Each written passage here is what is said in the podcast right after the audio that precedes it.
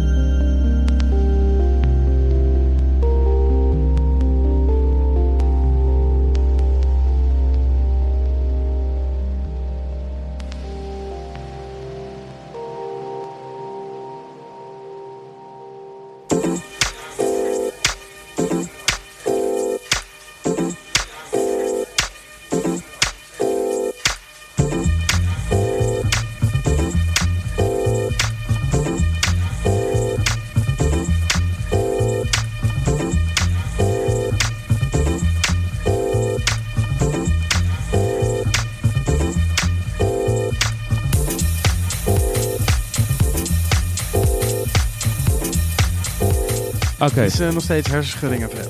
ja. Met, eh, ja, jij vergeet het eten, omdat je een hersenschudding hebt. Dus Nee, ik, ik help je eraan herinneren. Moeten heb hem even wakker maken. Ja. ook. Even Ik heb er nog steeds last van. eh. Nee, we hebben net geluisterd naar uh, T42, voor als jullie het uh, gemist hadden, jongens. Ja, Ja, Ja, ja, ja. Nee, dat was de plaat van Jacob en uh, Kids Sublime. Kid Sublime. En dat, die was gewoon een hele grote invloed toen. Die was gewoon een uh, vriend geworden en we gingen veel met elkaar om. En uh, uh, ja, hij deelde ook dat skateverleden en al dit en dat. Um, en hij had een studio met Zuko en het was wel... Ik had dus die NPC uh, geleend een keer en uh, toen moest ik hem helaas weer teruggeven. Maar toen wist ik wel van, oké, okay, dit is gewoon zeg maar... Uh, weet je wel, het, het de gateway naar gewoon op een niet saai manier, niet saai manier muziek maken. Na de draaitafel, de NPC. Ja, ja dat was, het is gewoon best wel playful. En weet je, je kan lekker gewoon de hele tijd met je vingers spelen. En het is niet te veel met een beeldscherm. En, en toen zag ik eigenlijk, zeg maar, Steven en Jacob uh, met dat apparaat werken. En dat was echt gewoon... Uh, dat, ja, dat, was, dat is gewoon zo manisch en uh, bevlogen. Kun je in de basis uitleggen hoe een NPC werkt? Ja, een NPC is eigenlijk een workstation, noemen ze dat. En ja, het is een sequencer. Dus dat betekent, een sequencer betekent dat je geluiden in een bepaalde volgorde kan zetten die afgespeeld worden op een bepaald ritme. -huh. Dus je kan een willekeurig geluid op een bepaalde plek in twee maten zetten. En dat herhaalt zich de hele tijd. Uh, en dat is gecombineerd met een apparaat, een sampler. En dat is iets waarmee je een geluid kan opnemen. Dus je kan eigenlijk in principe elk willekeurig geluid op een bepaalde plek in twee maten zetten. En zo'n machine werkt dan vooral, je maakt vooral twee bar loopjes of twee maten dus. Mm. Of vier, maar je kan het instellen wat je wil. Maar als je begint met een hip-hop beat, dan is het vaak uh, twee maten. Maar zij eh, ja, ze, waren gewoon met het apparaat zo bevlogen bezig.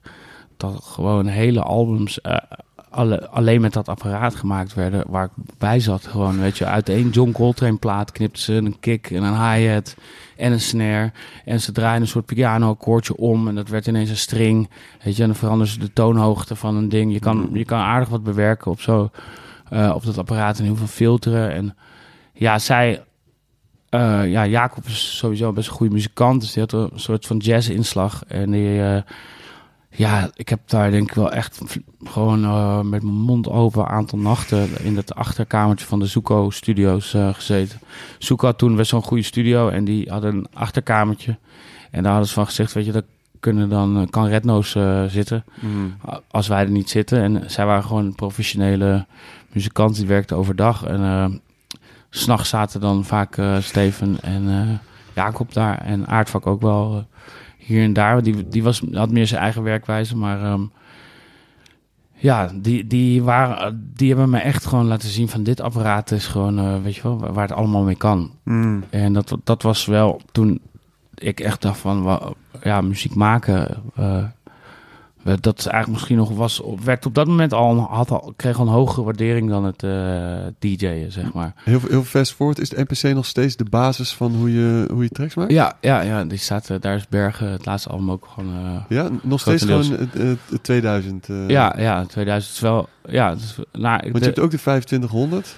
ja, nee, die heb ik weer weggegeven. Zo, uiteindelijk is die 2000 kan ik gewoon echt blindelings op Ja. werk na zoveel achter hebben gezeten. Maar Mm. Ja, dat is nog steeds wel de basis. Het is, het is een vrij eh, simpel apparaat, maar het, het werkt gewoon goed. Een bepaalde Ja. swing. Maar goed, eh, om nog eh, even, ja, als we het toch over momenten hebben die je leven dan veranderen, was Ja, wel tuurlijk. een van die dingen was ehm midden halverwege die studie die ik, weet je wel, ja, al niet echt zo super vond of zo. Toen was er dus op elke woensdagavond in Bar West had Redno's dat een avond. Volgens mij heet hij niet, niet je moeder, maar wel zoiets van vergelijkbaars. en ehm, eh, mijn verjaardag viel toen toevallig op een woensdag. En toen werd ik van 19 eh 20.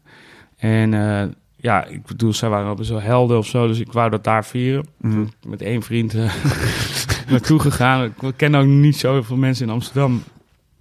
Dus het was gewoon, ja, het was gewoon nog, ik zoek, zocht een beetje aanhechting hier en daar. Uh-huh. En ehm, toen eh, waren zij gewoon dus de hele avond gewoon hele hysterische jazz aan het draaien in eh, een heel klein barretje. en er zat er één van hun drie, die zat dan achter die NPC. En die sampelde dan live, zeg maar, gewoon eh, stukjes van die jazzplaten die gedraaid werden. En die zat daar dan een soort van een beetje te eyeballen met een koptelefoon. en dan één keer in het uur ging even de muziek uit. En dan kon je even horen wat diegene dan gemaakt had tot nu toe met die, muzie- met de muziek die de hele tijd gedraaid werd. Wat een vet concept. Ja. Ja, het was best wel vet. En helemaal omdat ze gewoon echt fucking goed ermee waren. Dus elk uur hoorde je gewoon iets heel anders. Eh, en eh, voor de rest hoorde je hysterische jazz en allemaal gekke dingen, weet je. wel. Staan er ineens een gabberplaat tussendoor. Mosselman. Ja, of die gasten achter de MC, die zei van... eh, ik heb even wat drums nodig. En dan werden gewoon, weet je wel, vijf kwartier lang percussie losgelaten op je of zo. Nou goed, en eh, toen weet ik nog wel dat op een gegeven moment dus Steven eh, naast me neer eh, kwakte op een bankje. en ze, ze, weet je wel, een soort van, wie ben jij dan? Ja, Tom en dit en dat. En dan zeg ik, wat, ja, ik ben jarig. Zeg, "Dat meen je niet? En ik zeg, ja, ja, ik ben jarig en ehm, ja, hoe oud word je? Ik zei, Twintig. En toen, toen viel zijn mond echt zo diep open. Volgens mij werd hij toen net 30 of zo. En zei hij, wauw. Je kan gewoon alles wat je wil in het leven, dat kan je gewoon nu nog gaan doen. En, en ik zei, ja, ja, ja, ja. Zo, ja, wat, wat wow. Je hoort het hem Heel zeggen intens, ook. ja. En ik zei van, ja, ik wil eigenlijk wat jullie doen. Gewoon, eh, weet je, draaien en muziek eh, is eigenlijk wel het ding. Zei hij, Ja, dat kan toch gewoon? en zei ik, ja, dat kan gewoon. En toen, eh, ja, een soort van letterlijk volgende dag met, eh, echt met, had ik besloten van, ja, school is gewoon echt niet meer eh, de weg. Ik moet gewoon echt nu doen wat, ik kan alles in het leven. Hij, hij heeft je dat setje gegeven. Ja, Maar- wel echt. Die nacht was en op mijn verjaardag en hoe hij het zei. En gewoon die avond dat zij daar zeg maar zo on the fly even gewoon muziek maakte die ik heel tof vond. En ook die, eh, ze zaten heel erg qua muziek op zo'n grensvlak tussen hip-hop, jazz, house en drum en bass. Het had allemaal allemaal zo, weet je wel, best wel Ondefinieerbaar. eh, ondefinieerbaar sfeertje. En ze draaiden dan ook af en toe nog, weet je, in clubs, dan draaiden ze gewoon Roy Ayers. En daarna dan, weet je, gewoon hele vette Engelse uh, grime plaat. Of, en dat was, was heel chaotisch. Maar ze hadden wel echt ook een following die dat aankon toen in die tijd. En eh, het is best wel vet eigenlijk na vier houseplaten gewoon ineens heel heftig jazz als iedereen het voelt. Ja, ja. Mm. Weet je, en ze hadden hun, hun publiek toen zo gemold of zo, eh, weet je wel, laten wennen aan dat het gewoon niet te verwachten vaag ging worden. Dat, dat mensen gewoon eh, echt heel erg open stonden voor welke kant ze dan ook opgingen als, als DJ. Dus het, het had allemaal wel echt iets magisch. En ze, en ze waren toen ook op dat moment net met hun eerste album bezig. En eh, ja, er hing gewoon echt een sfeer om hen heen, weet je. Was- Ze waren met z'n drieën en het waren echt rocksterretjes. Gewoon, het was echt het was echt iets om naar, om naar op te kijken, zeg maar. Als je net eh, een beetje die, gewoon de muziekwereld en DJ-wereld inrolde. En het was super vrij, dus het was, het was helemaal niet genre gebonden. En ze hielden, weet je wel, ze draaiden gewoon echt heel, hele toffe dingen. En, eh, En humor was ook... ja, is, absoluut. Gewoon is nog steeds een ja, belangrijk man. component. Zeker, ja, er was niks serieus aan. Niet te Dus serieus nemen. Zodra het zeg maar serieus moest worden, ging het gewoon ook fout. Eh, ja, Ja, dat is Dat ook, was ook een valkuil. ook een valkuil uiteindelijk ja. misschien geworden, maar het was, ze waren in ieder geval niet van eh, druk en daar dan mee om. Nee, gewoon dat. Ze gingen gewoon te ver altijd. Ja, en, maar het was echt, eh, was dus gewoon super inspirerende tijd toen. En ja, zij, toen heeft Steven eh, me wel echt, en, en de hele Red Nose District me echt on- onder hun vleugels genomen. Mm. Dus vaak mo- ik mocht langskomen in de studio en eh, ging mee naar gigs en al- allemaal dat soort dingen. Dus het wa- was, was, was toen ook echt sprake van een soort Red Nose familie, omdat er gewoon heel veel ook eh, ontwerpers, ook zoals Piet, eh, ja, Para, dus we, we hebben het al eerder over gehad, maar die zijn eerste flyer is dus ook geloof ik voor hun feestje geweest. En ook de albumcover van de eerste. Albumcover, ja, Ja. en een machine zat er gewoon. Het was eh Rush Hour was ook net aan het opstarten. Dus dat, dat viel allemaal best wel een soort van samen. Zeg maar het label van Rush Hour, de winkel was er al. Ja, Maar eh Paul van Machine. eh, Paultje van Machine, die heeft toen ja, uiteindelijk samen met Piet eh, Hoes gemaakt. Maar die, ja, het leek wel alsof of er een soort van allerlei klikjes die daarvoor al een beetje in de Amsterdamse scene toen speelden of zo, een beetje bij elkaar kwamen. Ja, Ja, ja. en elkaar leren kennen. En ja, daar, daar ben ik wel echt een product van geworden, moet ik zeggen. Van, van Steven sowieso, want die later in mijn leven ook eigenlijk degene is geweest die mij eh, aan Tajana, mijn vrouw, eh, liefde van mijn leven heeft gekoppeld. Maar ook eh, mij hier naar Bergen aan Zee eh, uiteindelijk heeft gebracht voor het eerst. Dus je wacht nu op wat hij, eh, wat hij straks voor je in petto heeft Ja. eigenlijk. Nou, als het gewoon in de lijn van de verwachtingen ligt, dan gaan we naar Mars, denk ik. Ja, het is ideaal. En je, je, je zei net dat uh, Parasound System, dat het ook... eh, Ja, dat, En, dat kwam wel weer. Dat, ehm, ja, toen- we zijn nu wel, denk ik, dat, dat DJ allemaal een beetje op zijn pootjes was, omdat ik dat dan een residentie bij de Panama. Paradiso? Panama. Ja, maar Paradiso had je ook... Ja, op een gegeven moment. Maar Panama was dus, en toen zei Chaos, die jongen waarmee ik in dat eh, tuinhuisje woonde, Mm. die zei, ehm, weet je, eh, als je er klaar voor bent, dan nodig ik een keer Wix uit. Want ik ging dus al naar feestjes eh, van Wix. Chocolate heette die toen in, eh, in de Melkweg. En eh, ja, dus dat, dat eerste DJ-moment dat ik had met die eh, DJ Grasshopper uit België, die dan eh aan het scratchen was toen ik 15 was. Dat moment heb ik nog een keer, denk ik, gehad toen ik 19 of 20 was, denk ik, op de eerste chocolate of zo. En toen kwam ik binnenlopen en toen stond Spot op eh, Edson en Wix en die waren daar aan het draaien. Maar dat was ook echt wel best wel technisch, weet je, allemaal juggelen en zo. En ja, op een gegeven moment zag ik gewoon eh, Edson en, en Wix draaien. En gewoon de hele soort pu- publiek onder, weet je, uit hun hand. Het was gewoon super vet. En iedereen zat op dezelfde golflengte. Ja. Dat, dat echte moment.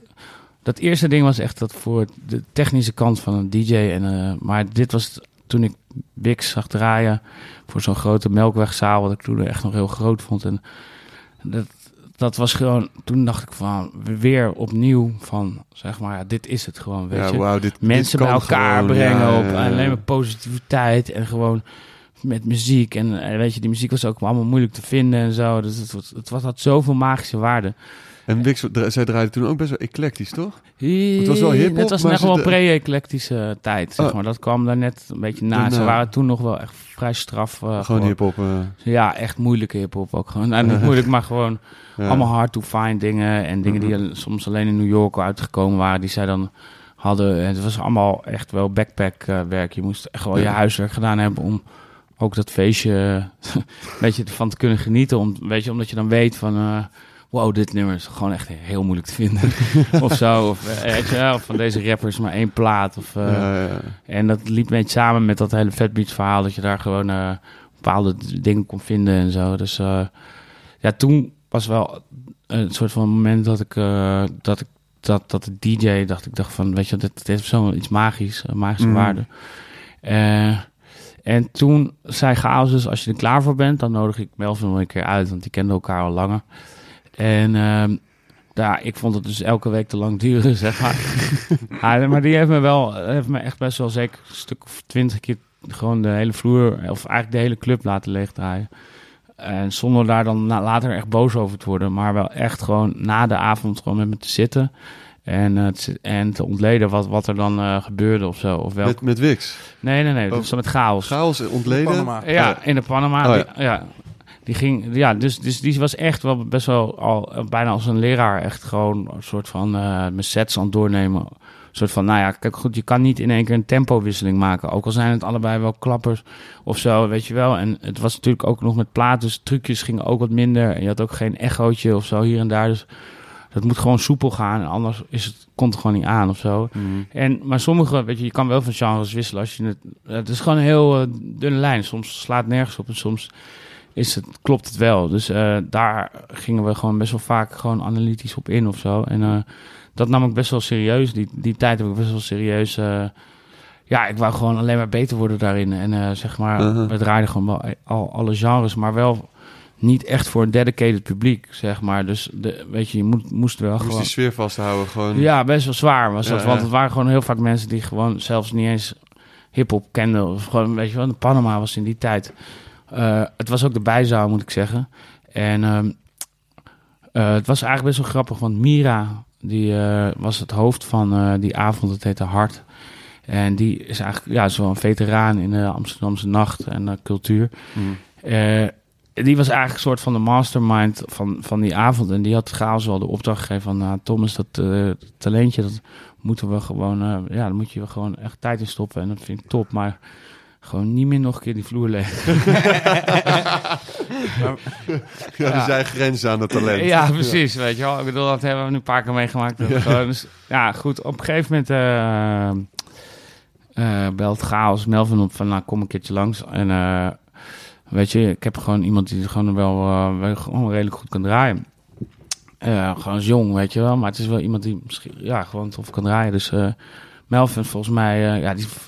vloog binnen als soort rockster, een leren jasje aan en twee vrouwen om zo, weet je wel. Gewoon zo, die was binnen één minuut weer weg. Ja, is geweldig, doei. Ach, niet eens gewoon, even. Ja. ja, maar goed. eh, toen op een gegeven moment zat ik dus op een surfkamp in eh, Frankrijk. En toen, toen eh, ging, ging, werd er gebeld. Ik, volgens mij had ik zelf niet eens een mobiel, maar ja, wel net. Toen, eh, dus ja, met, eh, met Wix. Ik ben in de buurt, ik hoorde dat je moest draaien. Ik moest toch gewoon draaien voor zo'n surfkamp weer. Dat liep nog steeds door Mhm. surf, snowboard, skate, dingen waar ik dan draaide in de zomer. En ehm die zei, ja, ik, ik heb gehoord dat je, ik ben in de buurt. In Zuid-Frankrijk, dus eh, ik zie je, ik kom je checken. ja, helemaal zenuwachtig gewoon natuurlijk, Ja, gewoon niet te doen. En ja, goed, ik kon ook niet voorbereiden daar, weet je. Gewoon, eh, dus ja, ik heb hele slechte herinneringen aan die avond, maar eh, uiteindelijk zijn we gewoon, eh, eh, ja, ergens dronken, gewoon eh, op een feestje beland en eh, heb ik gedraaid en ehm, zijn we aan de praat gegaan. En toen had Melvin net eh, ook een residency weer aangeboden gekregen, waar hij ook weer een warm-up DJ bij nodig had. En dat was eh, toen de Jimmy Woo eigenlijk voor het eerst open ging. En ehm, ja, dat was eigenlijk precies hetzelfde verhaal als Panama, maar dan gewoon eh, een paar few notches op. Ehm, En daar mocht ik toen ook draaien. En toen tegelijkertijd eh, stopte ik eigenlijk met alle andere dingen die niet met draaien te maken hadden. Dus ik werkte volgens mij soms nog bij de Meander. En toen kreeg ik ook precies op dat moment een eh, residentie in de Dansen Beyoncé. En draaide je ook nog in die coffeeshops toen? ja, net. Dat was ik een beetje al, alweer. Daar voelde, voelde ik me dan toen stoer van. Maar dat deed ik nog wel om gewoon. eh, dat was, ja, was gewoon een beetje geld verdienen. Om, eh, En dat is bij ons dan naast de Meander, toch? Eh, Ja, aan, in de andere steeg. Dus Ja, die, ja. En die hadden een beetje doorgekregen dat ik ook wel dus een beetje aan het draaien was hier en daar. En eh, die, dat was Swarien. En eh, die zei van, nou, die woensdag, daar doen we altijd een, gewoon nieuwe mensen. En dan kun je draaien, maar één ding, je hoeft geen platen mee te nemen, want die hebben we zelf al genoeg. ja, dat is zeg maar het concept bij Dansen bij Jansen was toen, eh, had je een hele grote collectie, maar echt groot. Ze hadden ook, ook een hele zolder, helemaal vol met vinyl. En ook iemand die dan eh, platen inkocht, zeg maar wekelijks voor Dansen bij Jansen. Omdat het gewoon nog, nog niet echt was dat je even op je laptop ging zoeken. Of wel even wat nummertjes voor vanavond. Maar ja, dan moest gewoon iemand dus elke week gewoon naar de zaak, plaatzaak gaan. En, en weten wat er speelde en de nieuwe dingen halen. Die kochten zij dan in voor de club zelf.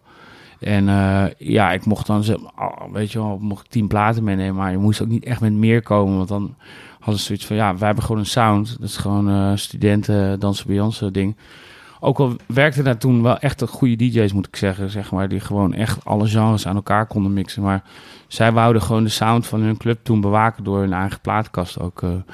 Dus ja, daar ben ik toen woensdag gaan draaien. En daar kwam wel echt... eh, ja, daar ging ik gewoon echt draaien voor mensen en kijken wat, wat werkte. Maar ik mocht dan niet... Ik moest, mocht niet, kon niet meer voor mijn sientje draaien of zo. Wat in Panama natuurlijk ook niet echt, zeg maar, kon. Maar wat, wat in Dans wel echt helemaal werd afgebroken, weet je wel. Gewoon van een hit in de hip-hop scene of zo. Ja, dan hoef je op woensdagavond in Dans Beyoncé niet mee aan te eh, komen. ging je van tevoren dan daar naartoe om die platen te checken? Of was het gewoon... Nou, je wist wel een beetje natuurlijk wat er... wat het waren gewoon, ja, Spiller of zo. Allemaal van die grote, gewoon klappers, hits. En ik had, werkte natuurlijk ook een lange tijd, of nou lang, gewoon in de meander. Dus ik wist wel gewoon... wat die Maar, dat, was? maar er was ook gewoon, ja, weet ik, Michael Jackson, Prince, alle, Ja, Steven ja. Wonder. Je kon daar best wel veel wegkomen met soul dingen. En dat, dat stond er ook allemaal. Het was, was Mhm. geen per se een platte collectie. Het stond ook allemaal op genre. En je had ook allemaal noodvakken voor als het zeg maar, als het, eh, als je gewoon mensen echt zag weglopen. Maar dat ging echt snel in die tijd. je in de Panama moeten hebben. Ja, nee, eigenlijk wel ja. Dat, nou, dat, dat is wel grappig dat je het zegt, maar dat is wel echt eh, wat ik toen had kunnen gebruiken. ja, want weet je, als je, je hebt best wel, ik had best wel beperkt op één scene afgemeten platen, zeg maar. En eh, ja, bij de Dans Beyoncé werkte dat echt allemaal gemeten, dus eh, daar moest ik gewoon ineens in heel andere vaatjes gaan tappen, weet je. Gewoon, eh, eh, gewoon leren draaien voor... voor totaal ongeïnteresseerde studenten eigenlijk. Maar het moet wel gewoon bangen. Dus toen, toen begon ik gewoon steeds vaker weet je, in andere bakjes hits te ontdekken die ik zelf vet vond. Weet je. En ook heel veel ethisch dingen die gewoon nu nog steeds heel vet zijn. Die, ja, die heb ik daar allemaal ontdekt en leren draaien en leren timen of zo. Maar ook echt heel vaak dat er gewoon, eh, weet je, bijna niemand is de halve avond. En dan op een gegeven moment komt er één groepje binnen.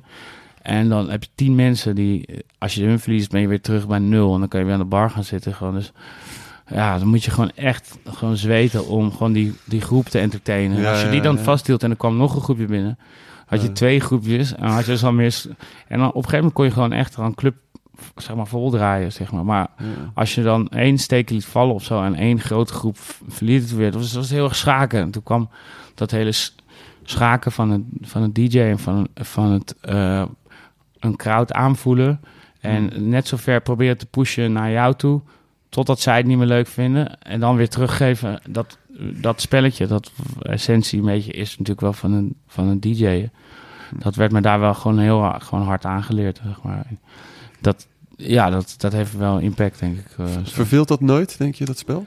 Nou, op een gegeven moment eh, kan je dat weer een beetje loslaten. Tenminste, als, zeg maar in mijn carrière. Of in, weet je wel, als je dan eh, mensen op een gegeven moment het vertrouwen hebben dat het wel goed zit bij jou. Ja, maar het spel Dan- evolueert zich natuurlijk naar dat je weer op een andere manier je, het voor jezelf ook moet bewijzen. En tegelijkertijd het publiek bij je moet houden. Toch, het, blijft ergens een... een- Ja, ik denk, ja, nou, dat, dat, heel, dat is heel lang, zeg maar, inderdaad een soort, ze- dat is eigenlijk nog steeds, wat je ik bedoel, ik, ik wil nog steeds niet liever mijn punt doordrukken en een, eh, en een zaal leegdraaien. Nee, dat- Nee. ik, hoef, ik ben zeg maar niet dat van dat, van dat slag DJ dat zeg maar eh, het, het echt zie als een, als een artistieke output van mij, zeg maar. Dat, Mhm. dat heb ik meer echt met piano spelen en met muziek maken. Maar eh, het DJ'en heb ik wel altijd functioneel benaderd. En ik bedoel, ik, heb, ik vind het ook heel vet. Soms dan hoor je, zo'n- hoor je een DJ draaien die dat echt als een artistieke output heeft gemasterd, weet je. Nee, dus, maar goed, eh, ja, die staan dan, weet je wel, dan moet je wel precies voor de crowd staan die zeg maar begrijpen wat Ja. ja, artistieke verhaal is. Eh, ja, dat was in die tijd gewoon helemaal niet, helemaal niet het geval. En ook omdat ik eh, nog helemaal geen één plaat had uitgebracht. Of eh, enigszins, zeg maar, echt fans of mensen die komen als je moet draaien had. Behalve vrienden, weet je. Dat Mm.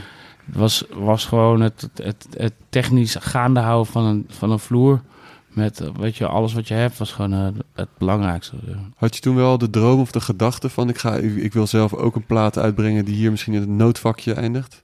Nou, ik, ik, eh, dat, ik, ik hing best veel met Red Nose en, en die, die, eh, die platen wa- waren ook best wel ehm, gewoon moeilijk, of niet moeilijk, maar gewoon eh, een beetje all across the board en niet per se dancefloor dingen. Dus toen ik begon met, met die NPC en muziek maken, was het, was, het, was het eigenlijk best wel vaag allemaal, die dingen die we maakten. Dat, ma dat muziek maken, dat was altijd wel losstaand van Hm. Wat op dat moment toen eh, het DJ eh, wat geld, wat gewoon brood op mijn tafel bracht, is gewoon draaien voor, eh, voor mensen, wat weet je, whatever the crowd is, zeg maar. Ja, precies. En dat muziek maken was eigenlijk iets wat ik meer gewoon deed als ik klaar was met dat met DJ'en. Ja. Maar het stond er wel heel los van. Ik had niet zoiets van, ik ga nu dan een, een track maken die ik dan dit weekend kan draaien. Het was echt meer gewoon van... ja, dat, daar dacht ik eigenlijk niet eens aan als ik er zo over nadenk. Ik was echt best wel veel vage dingen aan het maken... als je vergelijkt met wat er dat toen in de clubs aan, aan het draaien was. Hm. Maar wel veel hiphop beats. Gewoon eigenlijk gewoon beats, de hele tijd beats. En dat was ook eh, toen Madlib en eh Jay Dilla en zo... dat, dat hele beatverhaal kwam eh, wel langzaam een beetje opzetten. Het was natuurlijk gewoon eerst heel veel eh hip-hop, weet je, en hip-hop 12 of rap 12, weet je. En op een gegeven moment zijn die instrumentals kregen ook gewoon eh, steeds meer waarde. En zelfs in clubs, weet je, op die feestjes werden gewoon instrumentals gedraaid. En Red Nose draaide echt heel veel gewoon eh, hip-hop instrumentals eigenlijk. Hm. Dus dat was eigenlijk wel het meeste wat ik toen eh, maakte. En dat is ook lekker, want je kan het binnen twee uur heb je gewoon nog een goed loopje. En was muzikaal niet te ingewikkeld. Of zeg maar met een NPC heb je al best wel snel gewoon een, een beat waar je wat mee kan. Hm. Alleen, ik had er geen rappers. Hoe, hoe ben je dan eh, uiteindelijk toch in die elektronische muziekbakjes terechtgekomen? Nou, we waren Ja. nog, bij, nog bij Wix, toch? ja, Eh, Wix en Jimmy Woo gingen open. Dat was allemaal nog hip-hop. Best wel hip-hop eh, georiënteerd. En eh, ik draaide gewoon ook ja, op appelsap eh, dingen. En op Knockout mocht of Chocolate was dan een feestje waar ik mocht dan draaien soms. En eh was allemaal, allemaal eigenlijk best wel eh, super hip-hop. Dus toen best wel, denk ik, twee of drie jaar eh, gewoon he- heel veel hip-hop gedraaid. Eh, ook in eh, Rotterdam en nou, of in de, waar was het, hoe heet het? Of Corso. of Corso, daar ha- had je dan ook af en toe eh, chocolate. En ja. dat organiseerde Dre en Melvin dan. En dan mocht ik soms draaien. En ja, het was ik de hele tijd hiphop aan het maken thuis. Maar toen best wel grappig. Ik had dus al wat house wel om... Dat ik soms in Rush Hour dan nog, weet je, weer, weer kwam. En eh, Moody Man en Theo Parrish, dat waren dan wel echt dingen... Weet je, die zaten een soort van tussen dat hele spectrum in. Het is nog steeds best wel jazz. ja. En eh Red Nose draaide dus dingen van hun, weet je. En toen hoorde ik die Moody Man dingen en dat ging ik dan kopen bij Rush Hour. En toen was ik op een gegeven moment dus weer zo'n hiphop beat aan het bouwen of zo. En dat sampletje, dat was op een SP eh, 1200. Dat is een eh, best wel classic apparaat dat ik eh, ooit van eh, DJ Precise, een soort dancehall DJ, eh, heb overgekocht. Heel lang verhaal ook nog, maar dat bespaar ik je wel. Maar... Nee, eh, dat- ja, dit ging, die beat, dat, dat eh, kon niet langzamer krijgen in ieder geval. Dat was... ja. Het was, eh, ja. Het is gewoon een housebeat geworden, zeg maar. en eh, dat is op een, eh, heb ik op een steetje gebrand. En eh, volgens mij Steven of iemand of Jacob laten horen. En zei, ja, weet je, ik bedoel, eh, je moet het gewoon even aan de jongens van Rush Hour geven. Dat is zo gedaan. En nou, daar brengen wij ook onze muziek uit. En ja, ja, is vet man, is vet. Nou, weet je, ik nou, echt, wist helemaal niet hoe ik het moest aanpakken. En weet ik wat allemaal. En ehm, uiteindelijk is dat cd'tje toch met trillende handjes overgegeven aan Christian McDonald. Die eh, de ENR eh, heel lang was voor Rush Hour. En eh, die nu mijn manager is, zeg maar. Ook wel weer grappig en hele, echt mega goede vriend. Maar ja, die, dat was toen nog echt... ja, dat, ik denk waar ik bijna wakker van heb gelegen, weet je wel. Gewoon überhaupt dat je je muziek voor het eerst geeft aan iemand die het eventueel zou kunnen uitbrengen. Dat was echt... En die er een oordeel over gaat vellen. nou, hij flikkerde Ja. het gelijk zo achter op het bureau. Een soort van, ik dacht, ja, dit is- en toen hoorde ik ook niks meer of zo. En toen volgens mij nog keer een berichtje gestuurd. Ook veel te snel, weet je. Ja, ja, ja. Een uurtje Volgende later. Ja, zoiets wel. Zo, echt zo. En eh, daarna zeg maar gewoon eh, van, nou, dit gaat natuurlijk nooit lukken. En toen kreeg ik voor- gewoon heel eh, zakelijk, vier dagen later of zo, eh, eh, een berichtje van... eh, ja, ik vind het vet. We, gaan, we, kunnen, we willen het uitbrengen. En eh, ik wil dit als de A-kant. En je mag dus dan zelf de B-kant uitkiezen.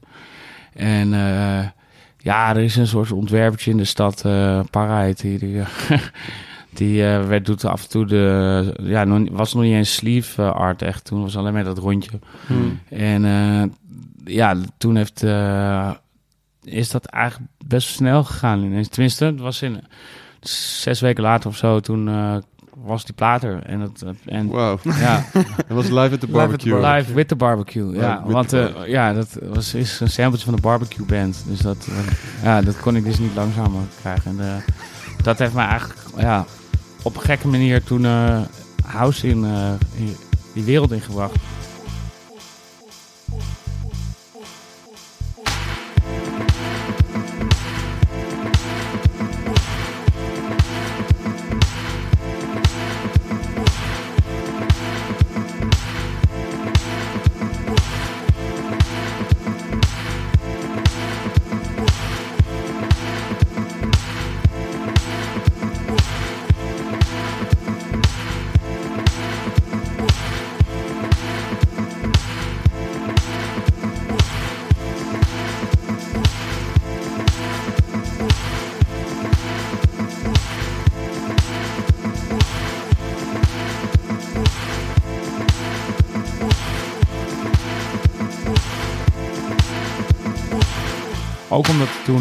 Maar, toen die plaat dus uitkwam, eh, respons kwam vanuit de wereld die ik nog helemaal niet kende, weet je wel. Dus, eh, Ja.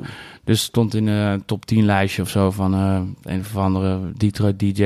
En eh, ja, het was gewoon eh, was een plaat waar mensen een e-mailtje over stuurden of zo. Dat was dan net, weet je, met de e-mails net. En, maar die, het was helemaal niet mijn bedoeling om een soort van Detroit plaat te maken of een house eh, plaat.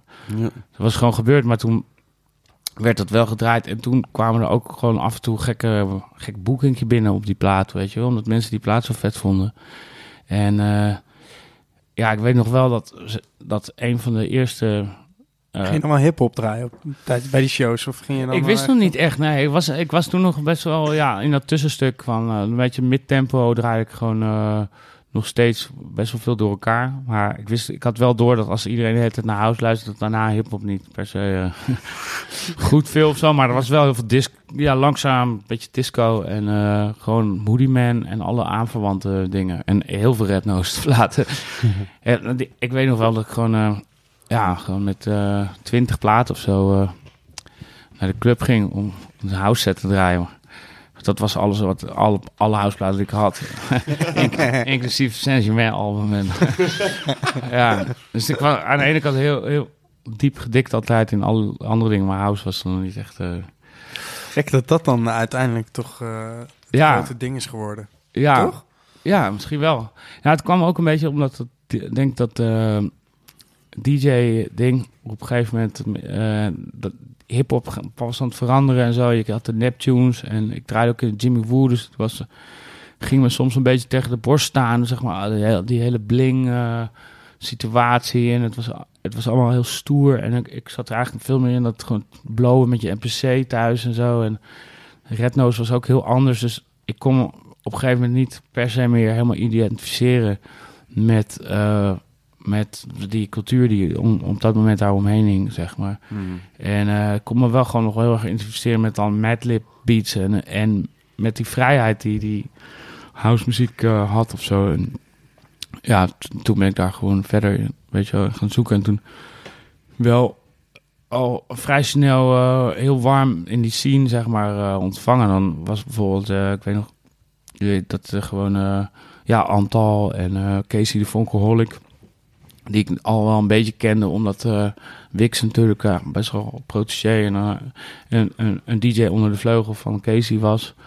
Ook nog toen ik alweer onder de vleugel van Wix zat, zat was Kees eigenlijk een soort van de Uber-DJ in Amsterdam vooral. Want die, ja, die, die had kennis en, en de draaistijl. Die, hij kon dus wel switchen van New York House naar een goede Chaka Khan plaat. Naar dan toch een hip-hop banger droppen en dan weer terug. En hij was zeg maar wat, wat ik echt way voordat eclect, eclectisch draaien zeg maar eh, tof was. Was hij daar echt al echt een koning in. En zo zijn denk ik Melvin eh, en ook Antal en Christian door hem, eh, ja, ook door andere dingen, maar gewoon wel geschoold. Hij was, denk ik, hij is en was echt een van de grote muzikale mannen met grote ballen, zeg maar, die gewoon wel inderdaad gewoon eh, op moeilijke momenten net die toffe plaat ging draaien in plaats van een soort hit die dat op het moment. En hij was natuurlijk geschoold door gewoon de Paradiso. Weet je wel, voor en na concerten draaien, op de baseline, weet je, draaien. Maar ook, ja, dat je gewoon eh, zijn muzikale bi- bibliotheek zo breed, dat je gewoon, ja, en daar kon hij door, doorheen surfen of zo, weet je. En dat was, al, dat was echt wel, eh, Hij deed ook die Disco eh 3000 avond. Disco 3000, ja, dat was waar Antal en Chris, eh, zeg maar, met Rush Hour toen een, zeg maar, een beetje hun stempel begonnen te zetten. Dat was inderdaad eh, ook door Kees geïnitieerd. Tenminste, hun drieën, maar ik bedoel, Ja.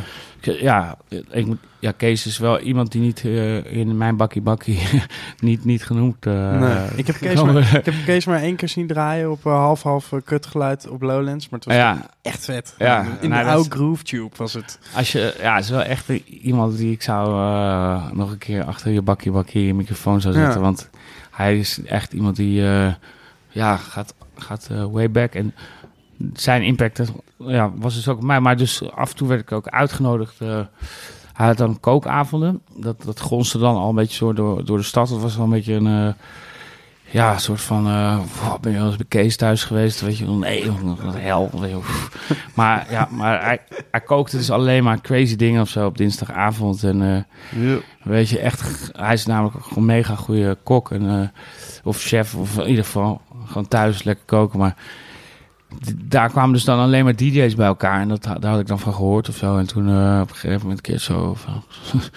Hey, eh, Melvin en Wix, kan ik hem misschien... eh, hoe is het, dinsdag, wat doe je dan? Kunnen we, zullen we samen uit eten gaan? Nee, hij zit bij Kees. Oh, zo kan ik van misschien... ik ben is, ik dat niet, is dat niet eh, omdat het... is- nou. Nou, ik zit toevallig echt Ja. om de hoek. Heel toevallig. ja. Ja, ik sta voor, sta de, deur. Ja. ik heb mijn schoen al uit. Nou, nou, het ging wel echt zo van, eh, ja, we zitten er nu en eh, je kan, je kan even langskomen. En ik weet nog, toen had ik een kanta te leen van eh Chaos. en toen sneeuwde het. En toen, eh, ik woon in Spa naar Dijk. Invalide wagentje. Ja, zo, Ja, ja, ja. zo'n klein eh, wagentje. Nou, ik, toen ik hoorde dat ik mocht komen, zeg maar, want ik weet niet hoe snel, ik zeg maar gewoon, eh, ik, uit, weet je, in mijn boxershort nog in die In die ben kant, gevlogen. En zo snel mogelijk daar terecht wil komen. Maar dus ook gewoon niet op rode lichten letten en zo. En toen heb ik dat, dat, dat kantaartje op zijn zijen gekregen. ja. Zeg Maar echt tussen eh, waar ik woon en Kees was misschien maar 600 meter. Maar ik was zo in paniek. dat ik zeg maar gewoon daar gewoon, weet je hem laten liggen, die kant ja, nee, het- ja, opgebeld naar chaos. Ik zeg van, luister, eh, ik heb het net aan de kant gesleept, maar ik ga, niet, ik ga er niet verder mee. het is gewoon, dat, dat ding lag nog op zijn zij. Heeft uiteindelijk nog een paar maanden daar bij dat kruispunt op zijn zij gelegen. Maar eh, ja, toen ben ik daarheen ge, ge- gehaast en toen eh, heel ontspannen gedaan. net gedaan, weet je. Maar, nee, maar daar zaten ze gewoon... eh, ja, platen van Kees te luisteren. En dat waren echt, eh, ik weet nog dat ik diezelfde avond naar huis ben gaan met de Arthur Verrokai.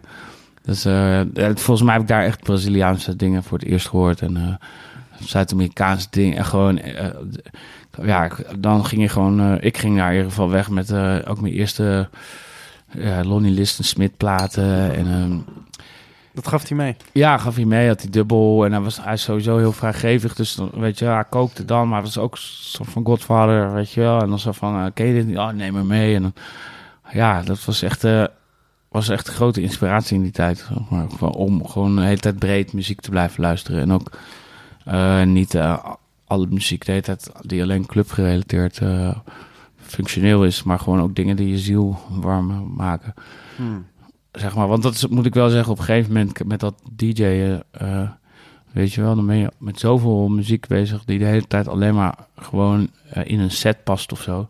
Soms bijna vergeet je. Vroeg volgens mij aan het begin van de show ben je nog steeds eh, veel muziek aan het zoeken. En zeg ik, Ja. je zo weinig tijd voor hebt. Maar zeg maar, dat was wel dat, zeg maar, wat Kees heeft achtergelaten. Of gewoon die tijd is wel dat gewoon je ook nog steeds altijd moet blijven zoeken naar die muziek die je ziel eh, warm houdt. Wat is dan het laatste wat, wat jouw eh, ziel heeft warm gehouden?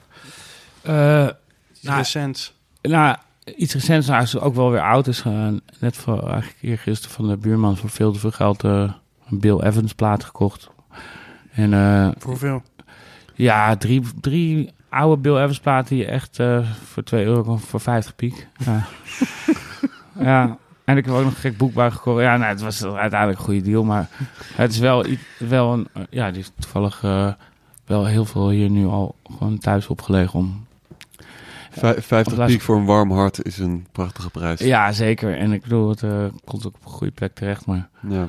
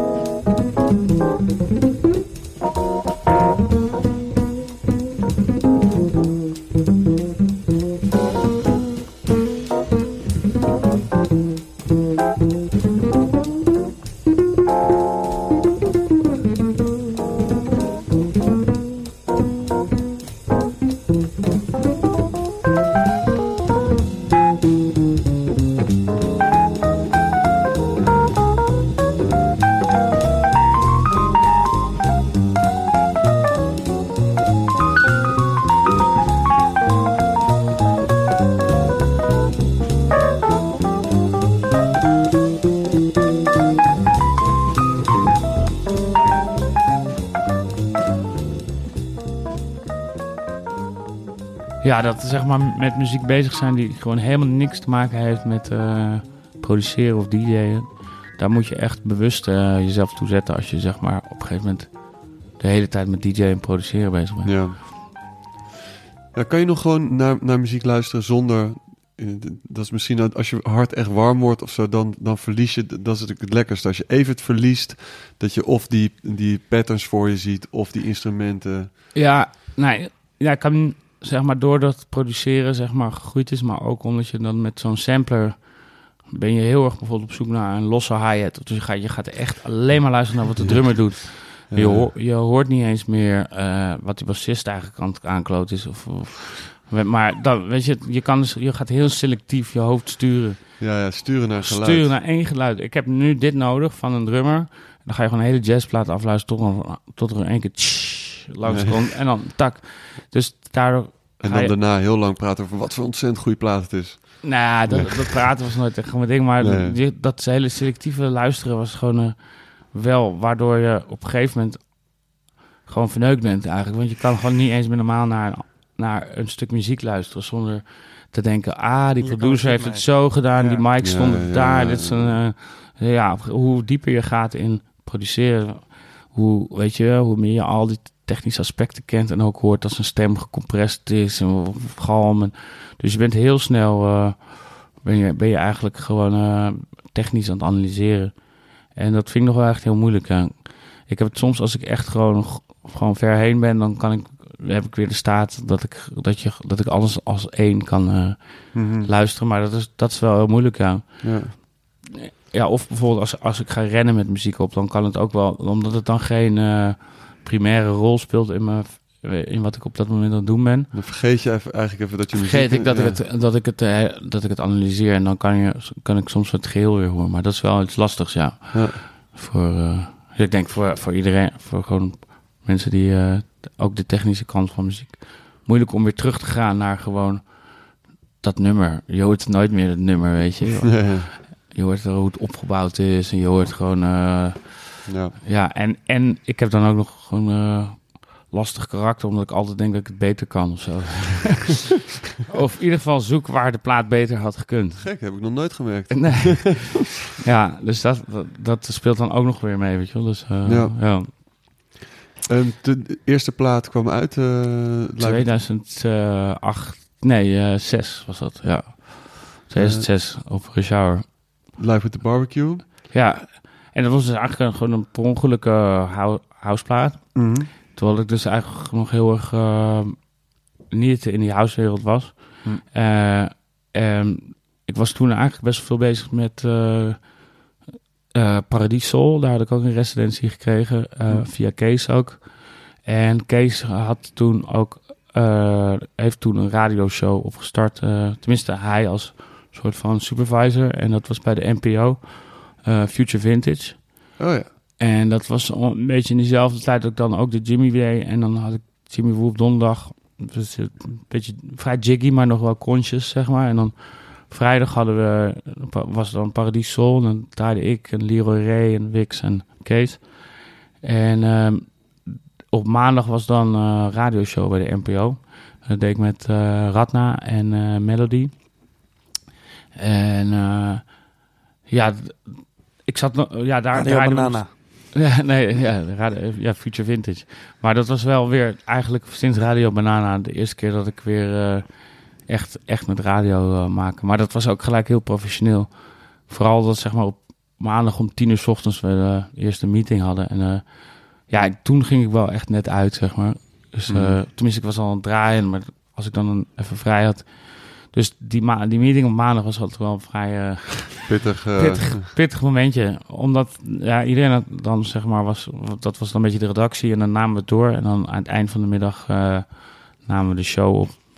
En eh, ja, ik, hoe komen we ook weer op dit onderwerp terecht? Oh, ja, het we hadden het gaat- over die eerste plaat. Ja, precies. Ja, Ja, en, en ook toen- gewoon over die volle muzikale week. Gewoon best wel al, al snel een, een, een strakke planning. Ja, ja, we gingen wel gewoon al toen vrij snel gewoon, gewoon door naar, de vol naar het volgende ding. En er was ook wel vrij snel eh, geld om muziek te kopen de hele tijd. En eh, Mm. het was nog helemaal... Ja, was, moest je, daar had je toen nog best wel wat money voor nodig, moet ik zeggen. Om als je dan drie verschillende gigs had. En je moest en een beetje bijblijven met hip-hop dingen. Eh, Mhm. Dus nieuwe Neptunes waren net, weet je wel, dat moest je kopen. Maar ik kocht, moest dan ook voor de vrijdag, weet je wel, die, dat genre een beetje onder controle hebben. En dan ook voor de radio moest ik nog dingen kopen. Dus het werd dan vrij snel wel gewoon van functioneel. Ga, gewoon, de- ja, gewoon echt een strak schema. En, en dat je Mm. al die zaken afging om, om al die behoeftes eh, naar muziek te, te voeden, zeg maar. Maar toen zat ik eigenlijk dus nog steeds wel in hip-hop beats maken, heel veel. En ehm, toen kwam eigenlijk. ehm, ja, dat, eh, daar voorheen was alles best wel soulvol georiënteerd. Dus alle muziek die ik maakte was ook vaak gesnempeld van soul en elektronica.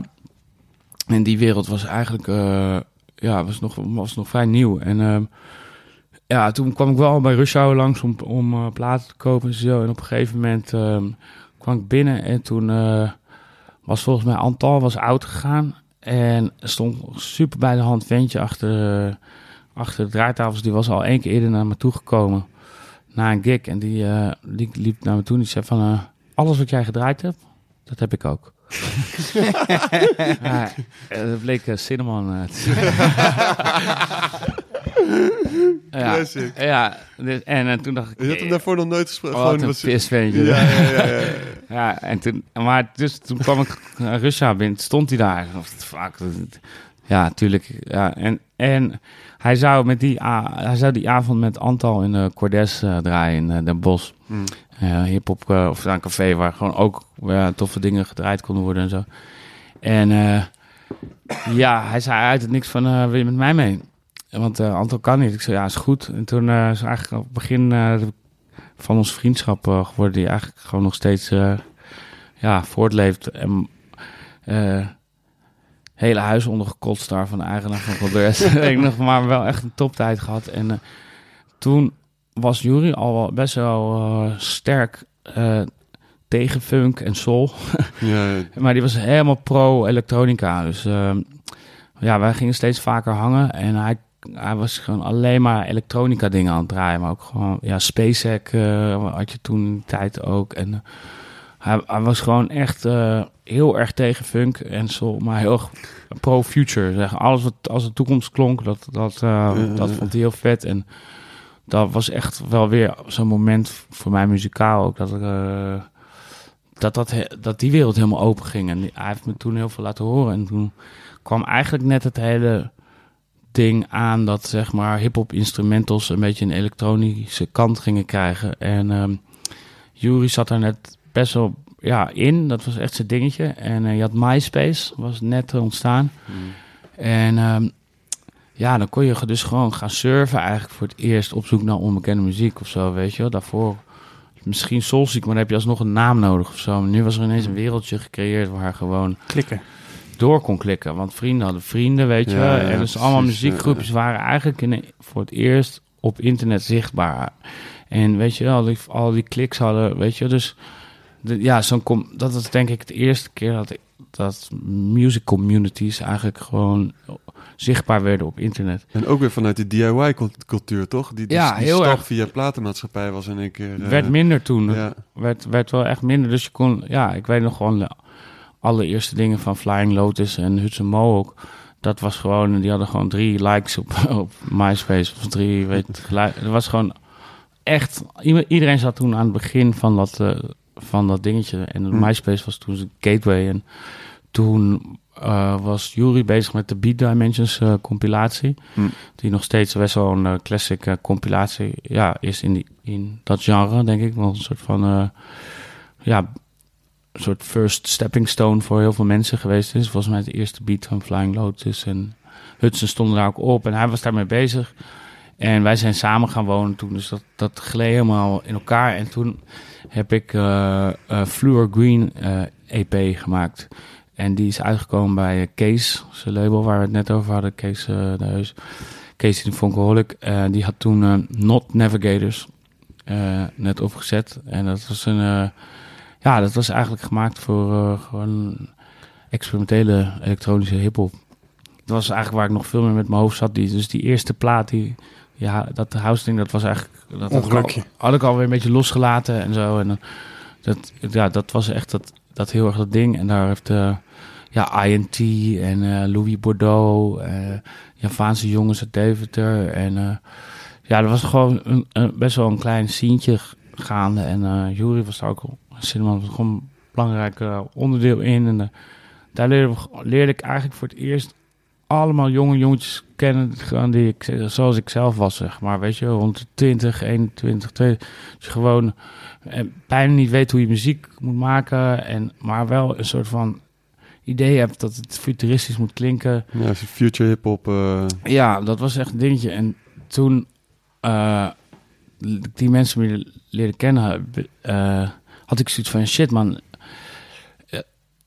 Niemand weet van elkaar eigenlijk dat ze dit allemaal aan het doen zijn. Eh, toen ben ik Eetbar begonnen. Dus eh avond die eh, toen begonnen is, volgens mij de eerste avond die Studio 80 ooit heeft gedaan. En daarna zijn we naar de Bitterzoet verhuisd. Bitterzoet was al best wel een plek waar, ja, waar veel dingen konden gebeuren in die tijd die later gewoon veel effect hebben gehad voor die scene, denk ik. Maar ja, dat was een avond waar dan producers naartoe konden komen met een cd'tje, een nummer wat ze gemaakt hadden. En dan konden we horen op een clubsysteem.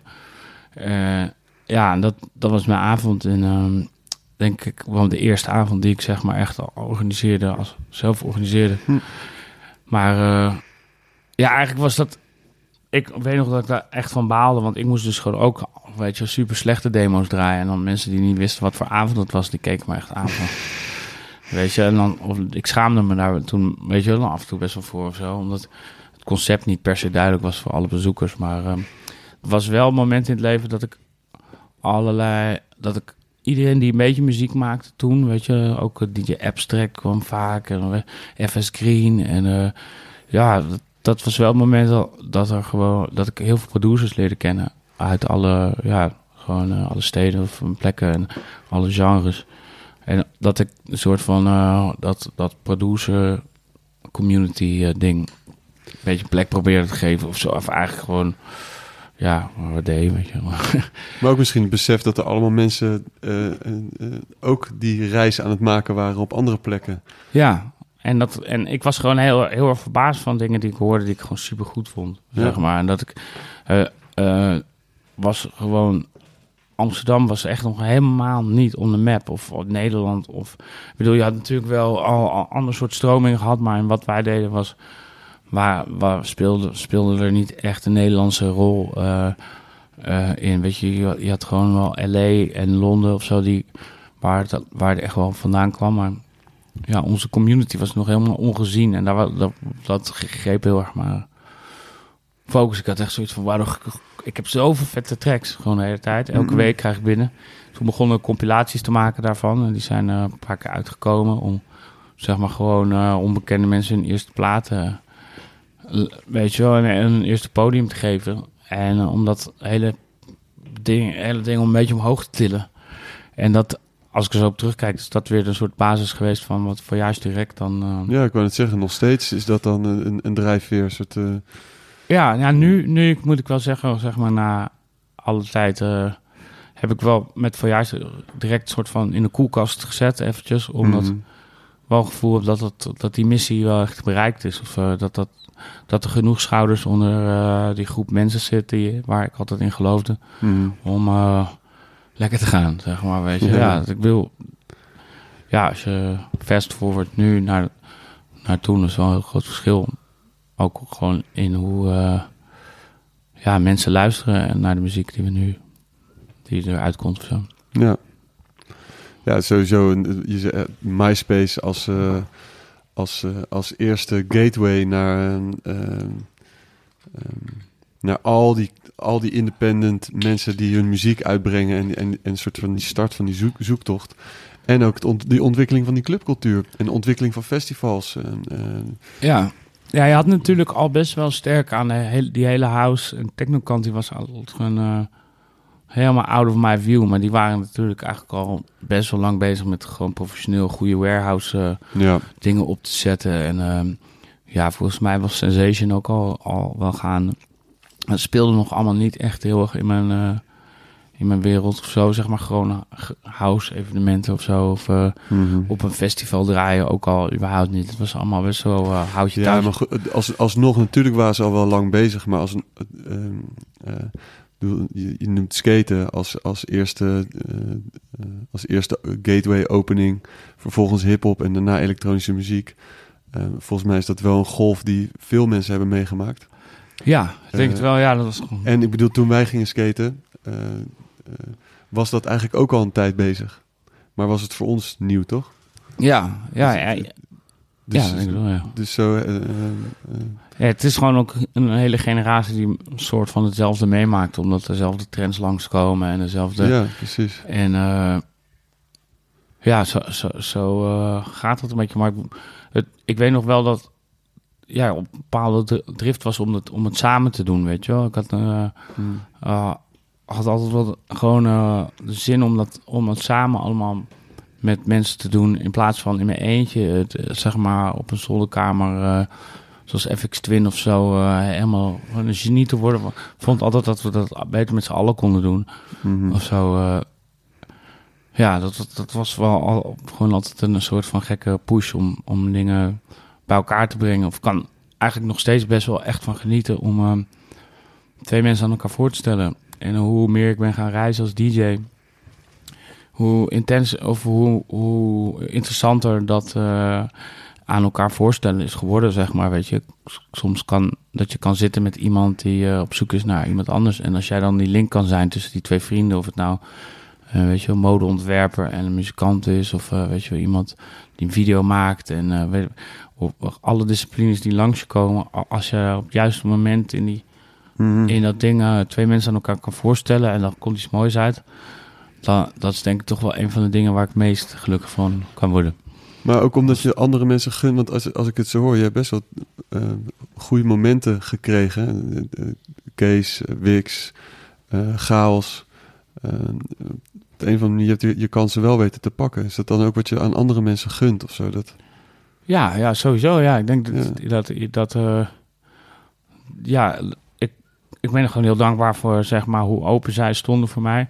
Eh, op het moment dat ik, zeg maar, echt op zoek was naar richting en ontwikkeling, dat ik dat, dat super graag ook, eh, weet je wel, delen en doorgeven. En eh, Mhm. nog steeds denk ik dat dat, dat, weet je wel, dat is het fijnste wat er is als je gewoon een zoekende bent en er is eh, iemand die, weet je, een, je een richting aangeeft of een lichtje laat zien in de duisternis. Of, nou, niet Ja. eens duisternis, maar ik bedoel gewoon, ja, zoeken en iemand anders die je dan verdieping kan brengen. Dat is van prachtig. En mentors en tutors en dat hele idee, weet je, van een Shaolin Master en eh, gewoon, ja, dat is gewoon het doorgeven van kennis. En dan heb ik niet over, zeg maar, hoe het hoe het ges- gedaan is op HB, weet je wel, op de scholensystemen. Want daar, ja, dat werkte gewoon echt voor mij niet of zo, omdat het geen persoonlijke kant aan zat, maar ook, ja, ik geloof daar gewoon niet helemaal in, maar dat, dat die persoonlijke kant van ontwikkeling was al, Mhm. ja, vind ik nog steeds heel belangrijk. En dat, dat je ook de tijd neemt voor eh, iemand anders om de dingen te delen die jij zelf hebt meegemaakt, weet je wel, de- om dat weer verder te kunnen delen. Ben je nu Shaolin Master? Eh, nee, absoluut niet. Nee, nee, nee, nee. Maar ik weet wel deelmaster af en toe. ja, gewoon in ieder geval qua ervaring heb ik nooit, zeg maar, geha- ik heb nooit het gevoel gehad dat eh, delen mij dus niet de goede kwam ook. Of eh, iemand anders niet. Dat, ja, gewoon eh, delen van mooie dingen is het mooiste wat er is. Hmm.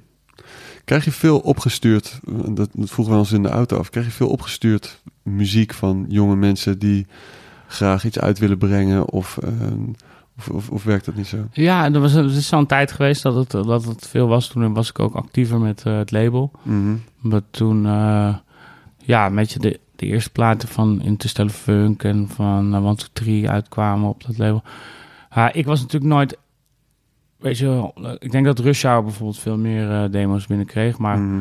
mijn doel was natuurlijk alleen Nederlandse elektronische muziek eh, uit te brengen. Dus ja, zeker. En Dat dat, was het doel van, eh van Verjuist Direct. ja, al vanaf het begin. Ja, dat is eigenlijk begonnen met Dexter. Die eh, hebben jullie onlangs ook mee gepraat. Ja. Dat wel weer grappig is. Daar is Die, het eh, label voor begonnen, toch? Ja, ja. Ja. dankzij hem. eh, dat is eigenlijk gewoon heel simpel. Die leer ik dan ook kennen via Yuri en eh Rushau. En, eh, ik kan me even niet herinneren hoe zeg maar, zijn muziek op mij, eh, bij mijn wereld terecht is gekomen. Maar het was dus eh, ja, het nummer Juno Fest. En ehm, ja, dat, was, dat vond ik zo'n vet nummer. Dat was precies op dat moment de sound die ik een beetje wou draaien. Gewoon een soort van synth, future house eh, ding, maar wel pompend. En gewoon, gewoon diep, maar wel te draaien voor, voor een eh, onwetend publiek. bij wijze En je voelde ook nog wel ergens een beetje hip-hop of zo. Ja, ja, zeker. Ja. Het wel nog- heeft nog wel een, een soort ghetto-waarde of eh, ding. En die platen, die draaide ik gewoon helemaal ja, kapot. En mensen om me heen hadden labels en dingen en zo. En dat boeide me allemaal niet echt. Maar na een jaar lang was dat nummer nog gewoon nog steeds niet uit. Dus ik eh, vroeg aan hem de master om, om het nog meer te draaien, denk ik. en toen zei hij, eh, ja, niemand wil het man, eh, dit en dat. En dat was echt zo van, Ik volg het te zeggen. Ja, ja. ja, gewoon echt, ja. En toen zei ik, nou ja, dat meen je niet, man. Ja, dan, eh, ja, dan ga ik het maar uitbrengen.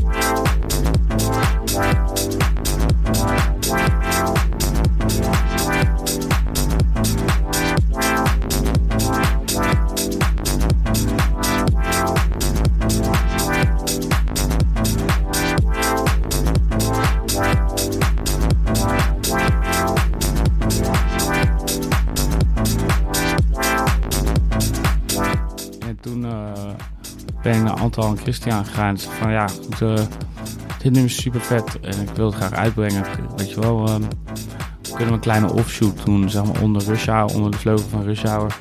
Waar ik dan zeg maar af en toe een nummertje aan lever eh, dat ik heel vet vind. En het moet van Nederlandse bodem komen. En zo kunnen we dan de hele groep jongens, zeg maar, weet je wat, verder helpen of zo. En eh, daar werd super positief op gereageerd. En werd eigenlijk gewoon... eh, ja, ineens mocht ik een eigen labeltje starten onder de vleugel van hun, weet je. Dat was echt gewoon... Ja. Betekent dat ook dat je dan zelf niet zo heel veel werk aan had? Nou, nee, eigenlijk niet. Gewoon het nummertje. Nou ja, het eerste, dat ene nummer van Dexter toevallig, dat, toen dacht ik nog dat het, dat het wel lachen was om alle platen zelf te stempelen en in hoezen te doen. Dus toen kreeg ik dan, eh, ja, dan krijg je dus alles los van de perserij. Ja, daar was ik wel, denk ik, na een soort van eh, twee dagen stempelen, was ik wel, was ik wel klaar mee. Nee, ja, nee, het viel best mee. Ik, ik kon gewoon eh, aan het begin gewoon, eh, ja, toffe nummers zoeken. En eh, dat kon ik dan bij hun inleveren. En dan werd er daar overlegd, zeg maar. Maar dat was ook op een gegeven moment weer het, he- het hekelpunt van... waarom op een gegeven moment, zeg maar, Voyage direct onder Rush Hour vandaan ging. Omdat, ja, bepaalde nummers, daar zat ik dan op dat moment heel erg in. En, dan, die voelde zij dan niet. Dus dan kregen wij intern ineens een discussie van... eh, ja, ik vind het wel vet. Ja, ik ook. Maar ik moet het geld neerleggen voor die 12's. En je gaat hier gewoon niks van verkopen, weet je wel. En dan had ik weer zoiets, ja, wat is dit nou voor vrijheid? Want het is gewoon mijn ding. Maar uiteindelijk hadden ze gewoon gelijk ook. Verkocht ook gewoon voor een moer. ja, maar, maar ja, dat was iets anders. Voor bijvoorbeeld een Maximil, weet je, was dan eh, een hele goede bevriende producer die waar ik gewoon heel erg in geloofde of zo. En dan, ja, ik snap ook wel weer dat dat geloof mij dan af en toe weer blind maakte voor dat een product ook gewoon afname moet hebben. En dat het, hoeveel zin heeft het als je iets maakt dat er, weet je wel, wat eigenlijk niet echt aankomt. Eh, dus ja, op een gegeven moment hebben we toen eh, gewoon besloten van, eh, we moeten dat loskoppelen. En je moet dan maar zelf gewoon daar beslissingen over nemen. Maar dat is dat uiteindelijk ook wel weer heel zwaar geweest voor, voor omdat er gewoon inderdaad dan ineens, weet je, gewoon geld verdiend moet worden om Ja. een platenlabel te blijven runnen. En dat is met zeg maar allemaal onbekende namen en mensen die eigenlijk nog nooit een plaat eerder hebben gedaan of eh, ook geen media aanwezigheid of weet ik wat. Ja, bleek eigenlijk best wel lastig om die missie die ik dan had met eh Voyage. Weet je wel, gewoon nieuw Ne- Nederlands elektronisch talent of, eh of alter ego's ook, weet je wel, van Steven of van Lego Welt hebben we alter ego dingen, maar wel alles moest gewoon heel, dat weet je, nieuw en onbekend. Ja, nieuw en onbekend verkoop je gewoon over het algemeen eigenlijk niet.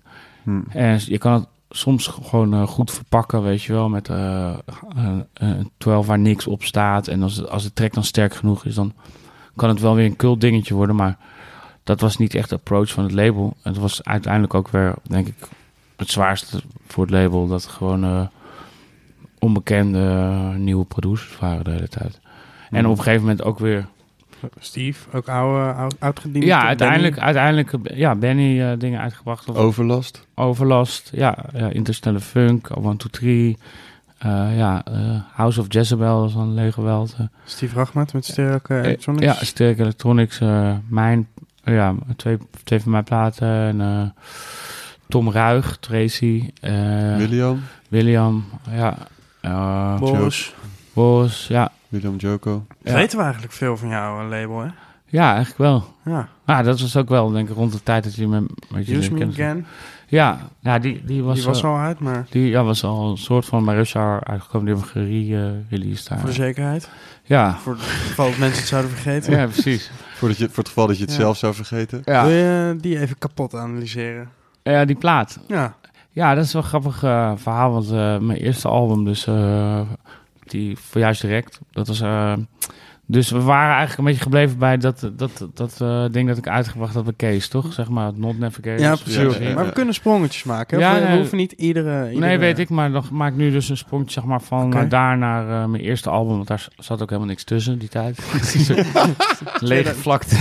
2009. Ja, nee, toen eh voorjaars direct. dat was eigenlijk gewoon. Toen had ik wel een beetje door, weet je wel, hoe de club werkte. En een paar keer goed high geworden. En eh, eh, gewoon eh, house echt ten volste en techno ten volste ervaren. En ehm, toen had besloten zeg maar, daar een album voor te maken, zeg maar, dedicated aan dat genre, maar dan via mijn oog. Dat werd Voyage direct. En daar stond, eh, was allemaal nog best wel sample-based, ook als je terugluistert. Het is allemaal best wel nog de manier op hoe je een hip beat zou maken eigenlijk, maar dan gewoon sneller gezet eigenlijk. Niet langzamer gekregen. Nee. nou ja. Maar dan niet langzamer gekregen. ja. Tom Trago, die het langzamer Nooit gekregen. langzamer gekregen. Lekker traag ook. Ja, nee, toen eh, stond daar een nummer op eh, eh, met een heel klein stuk sampletje uit het Use Me Again. Het is van, het is, ik ben heel veel de naam kwijt. Millie Jackson. Millie Jackson. Goed je huiswerk gedaan, netjes, ja. Eh, eh, we gotta hit it off. Ja, dat is gewoon... Een, ja, ik kocht heel veel platen om te samplen. En ik, ik op dat moment niet eens bewust van, zeg maar, eh, haar als artiest. Maar te, daar, had ik een klein sampletje van genomen. En ik moest een live show spelen. Dat was ook allemaal nog hartstikke veel te nieuw. En Ableton was veel te nieuw voor me. En er ging iets helemaal fout tijdens die live show. En toen was Kostijn nog mijn manager. Die, doet, ja, die doet de jeugd. En die heeft Magnetron. Magnetron. Music, ja, dat is gewoon... die is... eigenlijk in die, die tijd waar we het net over hadden allemaal... was eh Kostijn werd een beetje mijn manager. Ge- eh, vriend. En eh, waar gewoon muziek mee behandelde. En die stond een keer ergens in het publiek en ging iets gewoon hartstikke fout. Dus alles liep gewoon, liep gewoon door, zeg maar. Dus Beetje zoals het pianoconcert. ja, eigenlijk wel- wel weer zoiets. Eh, behalve dat we er nu... nou goed, en toen is dat, dat sampletje waar ik dus eigenlijk een klein loopje van had geprobeerd te pakken... eh, dat liep ineens door. En eh, toen kwam zeg maar dat... eh, en ik zag Kostijn zijn ogen, die werd zo'n twee koplampen. En die stond midden op de dansvloer. En die, die waren bijna die live set gelijk stopzetten. En die zei, ik, ik heb gewoon net een hit gehoord. En... dus ik zat, weet je, was helemaal depri dat die hele show in duigen was gevallen, omdat het gewoon allemaal niet werkte. Maar eh, hij zei, ik heb iets gehoord, ik weet niet hoe, maar zoek het maar gewoon uit. Daar is het gebeurd daar, zeg maar. En dat was, eh dus werd me eigenlijk best gewoon geadviseerd van, ja, dat was gewoon echt een stukje stroke of genius. of in ieder geval iets dat hem heel erg aangreep. En toen eh, heb ik eigenlijk niet, niet tegen mijn zin, maar wel echt in vijf minuten of zo gewoon... ja, die platen eh, eh, gemaakt, zeg maar. Het was, ik weet nog wel dat ik toen ook een discofeestje deed met Marco, eh, jong Marco en uh, en Femke.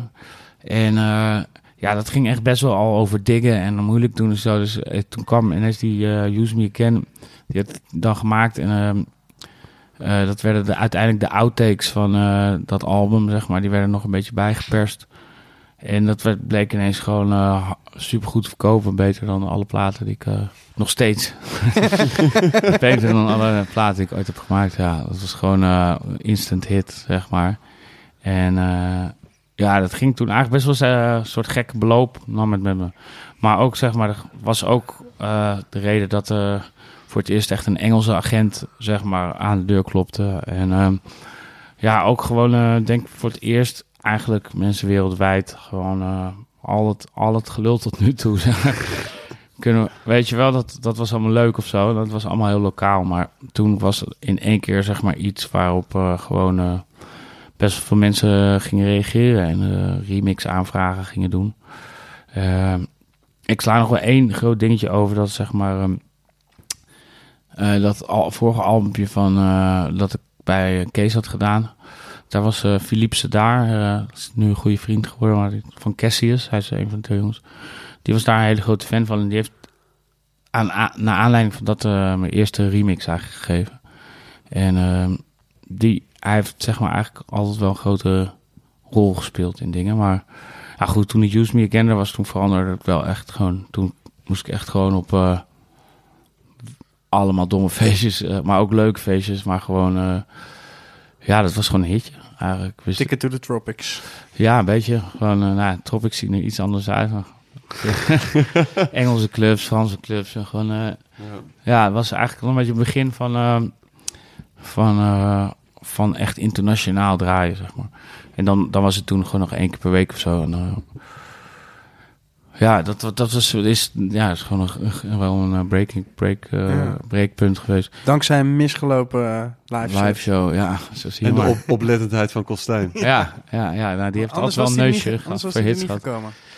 Nee, nee, ik had, hem, ik had hem denk ik niet gemaakt. En ik weet ook nog wel dat hij er net was. En dat ik echt Orfeo en Marco me echt gewoon uitlachten van... eh nou, Loopy, kijk eronder, geld uh, winnen, jongen. nou ja, het was, het, was niet, het was niet per se cool en, eh, zeg maar, of zo, weet je wel. Maar het was, ja, het was wel een banger. ja, ja. En het is nog steeds... eh, bedoel, eh, we hebben hem op heel veel verschillende plekken gehoord en gezien. Ehm, maar het is nog steeds een banger. Ja, het is wel een soort Is ever- het- evergreen eh, noemt het dan. Soms, soms eh, hinderlijk ook. Ja, ik heb wel eh, lange, ik heb wel een soort eh, haat-liefde ding met het, eh, Ja. met het. Maar, maar het is ook gewoon, ja, jij bent ook, ja, Steven, voor de mensen die het niet weten, het is ook best lang als tourmanager mee geweest. Maar Hm. ja, ja het, is wel- het is best wel relaxed als gewoon je de hele avond draait en dan, als je dat nummer draait, ontploft Ja, gewoon. ja. En, als het dan, en om het dan niet te gaan draaien, dus dat heeft best wel een soort, nou, hoe noem je dat? Iets dat, het is leuk aan de ene kant voor mij dat zo'n club ontploft als je het draait en iedereen staat erop te wachten, maar het verdoemt eigenlijk ook gelijk weer je hele set, want iedereen Ja. staat daarop te wachten en je kan hem eigenlijk, Gelijk mee openen. ja, en dan kan je dus er nooit meer overheen, omdat de Nee. mensen zeg maar nog steeds een soort van dat energieniveau eh, Ja. dus het heeft best wel rare invloed eh, gehad op veel sets, denk ik, van mij, zeg maar. En ja, je- als je ja, halverwege dan draait en daarna ga je weer gewoon platen draaien die, die niet per se zo'n pomp, pompende, weet je wel, euforisch gevoel hebben, dan, eh, dan moet je gewoon een beetje dweilen met elkaar. Ja, dan is het gewoon net even kut of zo. Dus, Maar je draait hem ook wel eens niet, toch? ja, zeker nu, zeker. Maar ik bedoel, als je in het begin dat ik daar dus dan voor werd gevraagd, dan er werden mensen gewoon echt boos of zo. En nog, Ja. nog steeds wel hoor, op gekke plekken. Of eh, Briefjes. ja, mensen gewoon, gewoon echt dat nummer willen. Echt, je moet dat gewoon draaien. Of promotors die gewoon, eh, gewoon afeisen eigenlijk dat je gewoon eh. Ja. dat, nummer, dat nummer draait. Of, eh, het, het, is, ja, het is gewoon een, breakthrough, maar ook wel tegelijkertijd een vervelend dingetje af en toe. eh. Ja. Dus dan sta je weer toch weer even in die dansen bij Jansen. Ja, het heeft, die plaat heeft wel een soort van... eh, Had hij daar in het noodbakje gelegen? Ja, ik denk het wel. Ja, ja. Bovenop. ja, het is wel echt zo'n... zo'n eh, als je het even niet meer weet, houseplaat. Ja, ja. En je verliest bijna de aandacht of zo, dan kan je die gewoon erin gooien. Maar dat... Ja, ja dat, dat is, En- daar ben en- ik blij om. Maar. En uh, live set eh, in de school toen je hem speelde. eh, en ook in Boiler Room. Eh, Daar speelde ik hem allebei niet, maar daar, daar heb ik wel gespeeld. Maar daar heb ik bewust die plaat dan niet. daar eh. speelde je hem niet, maar in de Bravo op Lowlands eh, twee Ja. weken geleden Wel. India. wel. Ja, ja, klopt. Oh, India, sorry. En ja, ja, dat eh, was eigenlijk een opmerking van eh, Christian, mijn manager. Die zei van ja, maar ik snap dat je het allemaal, weet je wel, niet wil. Want ik, wou gewoon echt alleen nieuwe albums spelen. Maar eh, ja, je moet ook gewoon beseffen, weet je, YouTube speelt ook nog steeds grote hits. En eh, Ja. het zijn gewoon, het is, een, het is een, op een bepaald niveau een festival waar, waar die plaat gewoon thuis hoort. Ja. En kijk, bij Boiler Room op zondagmiddag op Dekmantel vind ik gewoon niet thuis horen. Ja. En weet je, op mijn school bij mijn albumpresentatie vind ik het niet thuis horen. Maar ja, ik, ik, ja, ik vind hem eigenlijk op Lowlands wel thuis horen. In de India, gewoon het einde of zo. Het is wel iets, eh, ja, je ziet gewoon nog steeds dat de reactie van eh, mensen gewoon eh. Ja, en blijdschap ook brengt ook. Dus ik kan, ik kan wel aan mijn, hele tijd aan mijn dingen denken. Mhm. Maar ik zou gewoon, weet je wel, ik draai voor mensen en, en ik speel live voor mensen. Dus ja, als je, als je hem goed timed en het wordt geen soort van cliché, dan, dan doe je mensen er een plezier mee. Mhm. Plus, ik probeer nog best wel vaak gewoon eh, terug te denken naar eh, op het moment dat ik gewoon begon met uitgaan en zo. En dat ik bepaalde DJ's of bands of weet ik wat ging opzoeken. En dan had ik gewoon eh, twee platen van ze. en Die vond ik helemaal shit. En die wil, wou ik gewoon dat ze die ging spelen natuurlijk. Ja. Ja. Weet je? En ook echt met DJ's gewoon, eh, ja, dat, gewoon, dat was gewoon echt wat ik graag, heel graag wou. Want ik kende dat nummer, ik ken hun van dat nummer. Mhm. Nou, je bent nu in mijn stad, eh, nu ga je dat nummer draaien ook. Weet je? En dan, eh, ja, dan, dan geniet je daarvan van als, je dat, eh, als dat jouw connectie is met de reden dat je daar bent. Ja. En ja, dat, zo is dat nummer nog steeds wel. Maar goed, nu een beetje langzaam gelukkig het, eh, wat meer platen gemaakt. Zodat je ook andere dingen kan draaien waar mensen zeg maar een beetje connectie mee voelen. Maar nou, dat is een beetje dat, he- die hele. Het is een soort van, eh, soort van eh, mooie puist. Nog steeds niet uitgeknepen. Mooie maar-. Af en toe lekker is om uit te knaken. Maar Ja,